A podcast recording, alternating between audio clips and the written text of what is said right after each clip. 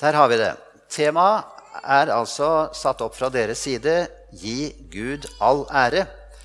Men siden det er Maria budskapsdag, så har jeg tenkt å ta for meg eh, i tilknytning til det Maria og Immanuel. Så det er det som er mer konkret eh, tema for i dag. Eh, samtidig vil jeg gjerne lese teksten for dagen.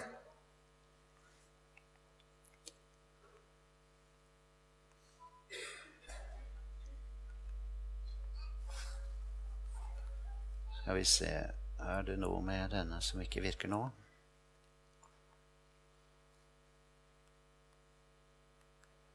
Der går den. Halleluja. Lovsyng dere Herrens tjenere. Pris Herrens navn. Hvem er som Herren vår Gud, Han som troner så høyt, Han som ser så dypt ned i himmelen og på jorden. Han som reiser den ringe av støvet og løfter den fattige fra søppelhaugen for å sette ham hos fyrster, hos sitt folks fyrster. Han som lar den ufruktbare hustru bo i huset som lykkelig mor med sine barn. Halleluja. Dette er fra Salme 113, som inspirerte til Marias lovsang.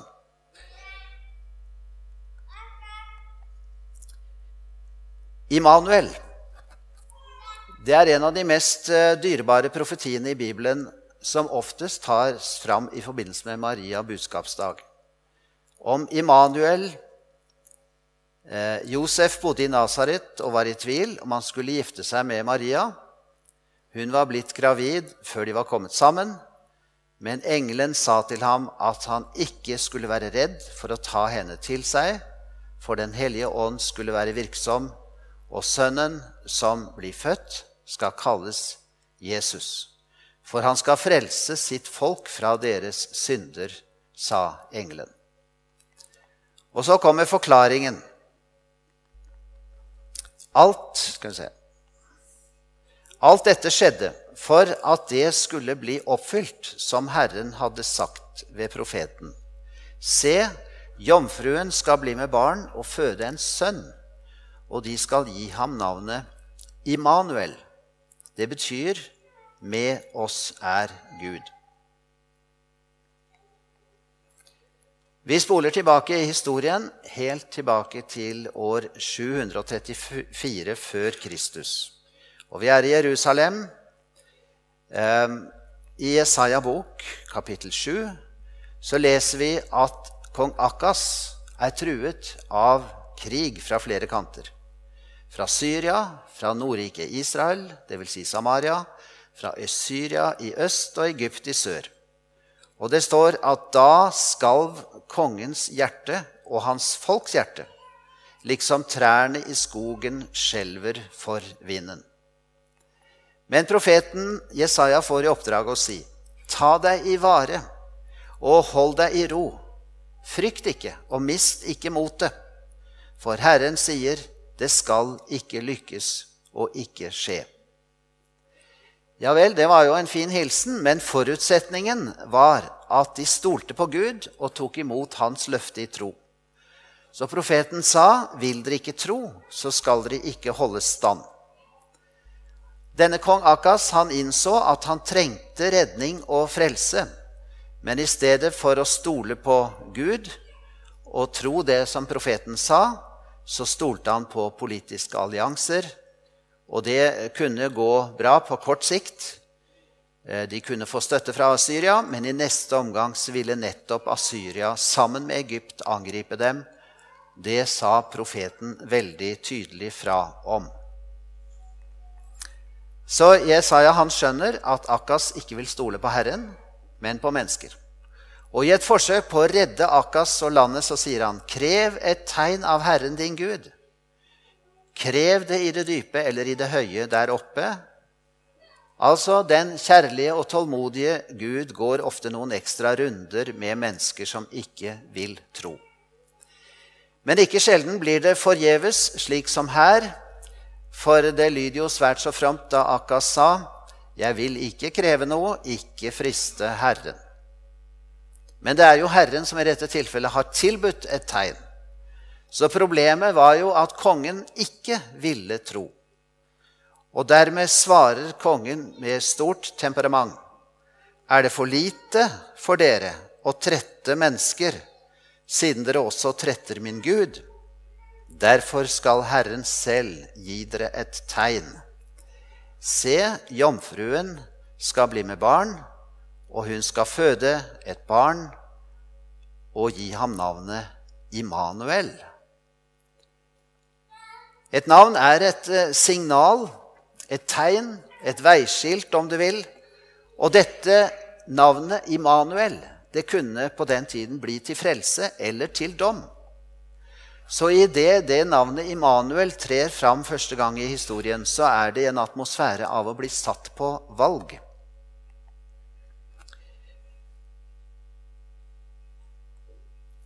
Her er det faktisk et uttrykk for Guds dom. Hvordan ble tegnet oppfylt på Akases tid? Det er flere tolkninger av det. Men jeg holder meg til dette at profeten selv giftet seg med en jomfru, fikk en sønn og ga ham navnet Immanuel. Og I Jesaja 8 så er det fortalt om hva som hendte. Der er det om en kvinne, et barn, og der er navnet men denne sønnen skal kalles med det negative og rare navnet Maher Shalal Hashbas, som betyr snart bytte rov i hast. Så den ødeleggende krigsflommen fra øst skal nå knuse. Og det står den trenger inn i Juda, skyller over og velter fram og når folk like til eh, halsen. Dens utspente vinger fyller ditt land så vidt som det er. Og så kommer det Immanuel.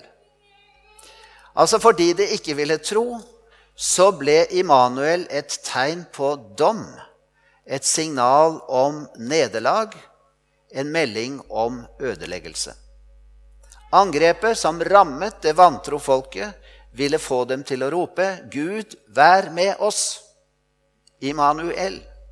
Og det navnet som innebar frelse, hvis de trodde på det, det ble faktisk et uttrykk for Guds dom. Men så er det altså en annen Immanuel. Han setter også et skille. Han er en som kan fremtvinge en dom, og det liker vi ikke å snakke om. Men først og fremst så kom han for å være oss til frelse. Og det er nå Jesajas' ord og løfte blir oppfylt. Og Josef måtte få høre og skjønne Gud har gitt dere et tegn. Nå oppfylles ordet om en jomfru, en ung, gifteklar, urørt pike, som skal føde en sønn. Immanuel, med oss er Gud.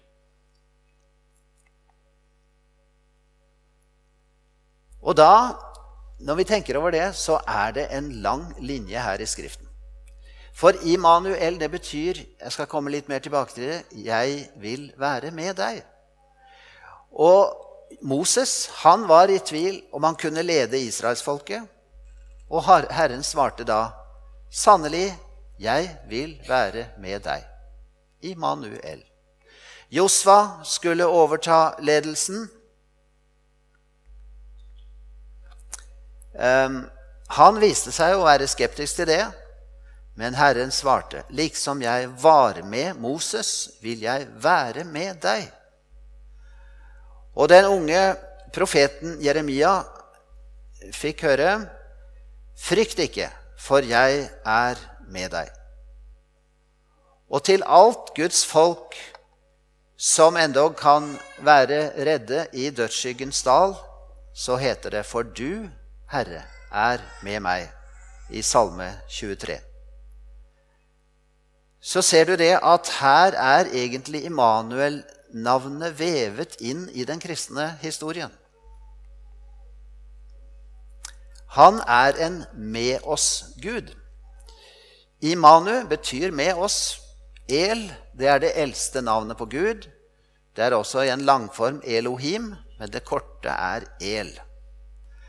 På latin så sier man gjerne eh, i velsignelsen Deus nobiscum Gud er med oss. eller Gud vobiskum, Gud være med dere. Men det står altså i grunnteksten motsatt. Ikke Gud er med oss, men med oss er Gud. Og det syns jeg er så sterkt, for det sier at for Gud så er det viktigst så å si å sette oss først. Altså hans kjærlighet trer fram i dette. Vi er så dyrebar for ham at han setter oss før sitt eget navn. Så selvutslettende god har han åpenbart seg. Så det er et ufattelig stort løfte, dette, syns jeg. Skal vi se. Og jeg må bare spørre kan du ta det til deg. Trenger du dette budskapet? Kjenner du deg utkjørt? Sørger du over vanskene i en ung familie som ligger deg på hjertet? Har du opplevd tap av en kjær? Har det låst seg i forhold til arbeidet ditt? Er du blitt kastet inn i en prøvelse? Ja, til og med en fristelse der lydigheten din blir prøvd? Og da må jeg bare si i den anfektelsen er Gud. Han er den som har gitt deg Jesus, Immanuel. Med oss er Gud. Har du falt, er svakhetene og syndene dine blitt som en ruvende haug for deg. Gud taler da til deg. Venn deg til Immanuel. Stol på ham. Midt i din ørkenfølelse, når du er engstelig for fremtiden, når sykdommen truer, når skyld og skam trykker deg ned, med deg er Gud. Vil du tro, så skal du holde stand, sa profeten til folket. Dette kan vi også tenke på når vi ber. Du kan be trygt ditt Immanuel. Vær med oss, Herre. Vær sammen med oss, Gud. Kom og vær nær hos oss, Jesus. Og vi tenker på mennesker, og så sier vi, Herre, vi vet ikke hva vi skal be om, men vær du hos dem. Og vi tenker på dem som blir utnyttet, forfulgt, som lever i slaveforhold og i lidelse. Og vi ber bare, Herre, vær med dem. Og alle dem som er fremmede for Jesus, som ikke har hørt om ham, de som står utenfor og er hedninger, Herre, vær med dem. Det er Immanuel-bønnen. Og det skjer noe nytt når Herren kommer oss nær og kommer nær til mennesker.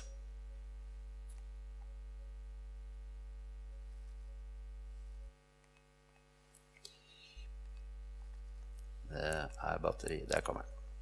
Jeg skal gi dere et lite bilde her, en eh, fortelling. Det er en som het eh, Samuel Rutherford. Han ja,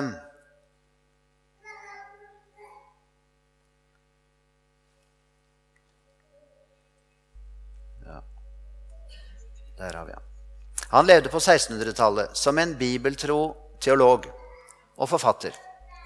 Og han falt i unåde hos kongen og ble kastet i fengsel. Og hadde han ikke dødd der i fengselet, så ville han blitt henrettet. Men han skrev noe fint. Herren Jesus Kristus kom inn i fengselscellen min i går kveld, og hver stein blinket som en rubin. Jeg syns det er et vakkert uttrykk for akkurat det.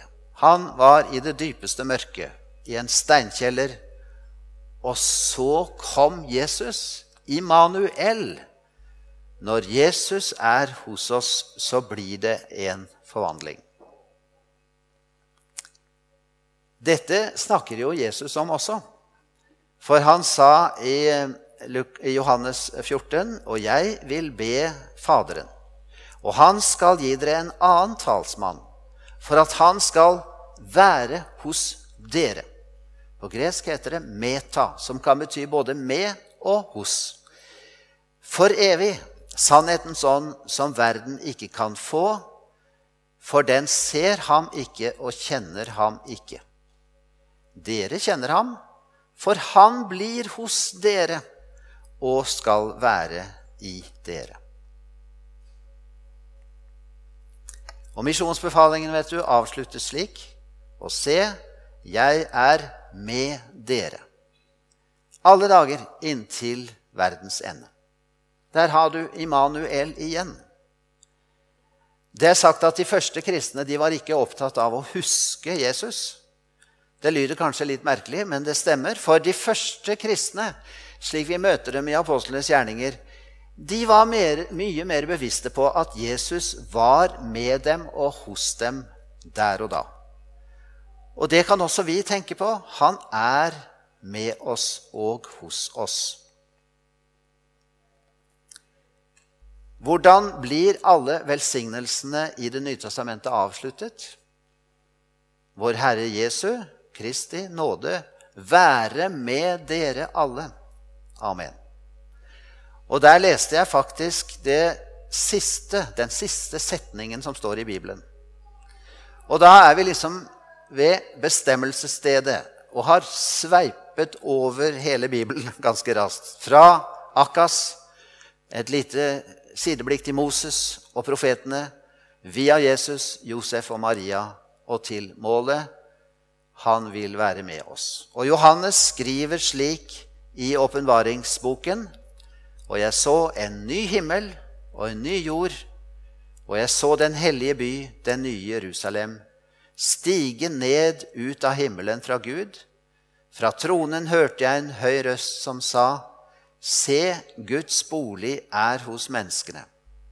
Han skal bo hos dem, og de skal være hans folk. Og Gud selv skal være hos dem og være deres Gud.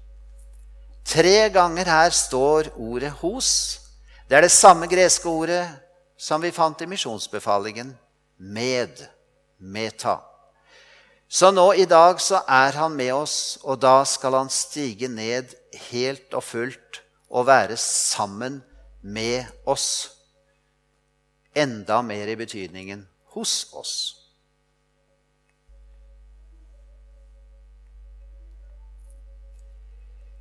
Med oss er Gud. Hos oss er Gud. Ved livets slutt og ved tidens slutt så skal vi fare herfra og langt av sted til et ukjent og trygt sted. Og utrygt sted, er det sånn det er? Ja, det er noen som har det sånn. Jeg har kontakt med noen på nettet av og til som har sagt det, at de syns det med himmelen og evigheten er noe skummelt. Noen gruer litt for fremtiden eh, fordi de har hengt seg opp i en slik tanke.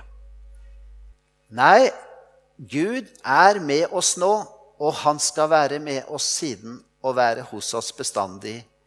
I en verden som ligner den som vi har nå, bare at den er helt fullkommen. Han er den Gud som med nåde og glede har trådt frem i Jesus Kristus. Så en dag så skal vi oppleve det til fullkomment at med oss er Gud, hos oss er Gud. Men så står vi da egentlig på et valg. da. Vi kan stoppe hos Akas, som stolte på menneskelige makter. Og han ville ikke be om et tegn, og han ville ikke tro noe tegn. Han ville ikke høre snakk om jomfruen som skulle føde et barn. Skinnhellig sa han at han ikke ville friste Herren. Det er mange også i dag som er i den samme melodien. Man vil i virkeligheten prøve å frelse seg selv. Men så kan man komme inn isteden i det evige budskapet. Jomfru Maria blir med barn, føder en sønn som heter Jesus, og de har gitt ham navnet Immanuel. Med oss er Gud. Og jeg må bare si for et håp, for en glede da blir vi gjerne med i den lovsangen som Maria bar fram, og som hun bygde på, fra Salme 113. Hvem er som Herren vår Gud? Han som troner så høyt, han som ser så dypt ned. Han som lar den ufruktbare hustru bo i huset, som lykkelig mor med sine barn. Halleluja. Immanuel. Med oss er Gud i Kristus. Ja, vi ber. Kjære Jesus, vi takker deg for ditt ord. Vi takker deg for at du er kommet som den store Immanuel. Takk for at du er med dine alle dager, i livet og i døden og i evigheten. Og takk at du vil være hos oss, Herre, når vi har det vanskelig, når vi er slitne, når livet går oss imot. Takk for det budskapet som ligger i ditt navn, Immanuel. Amen.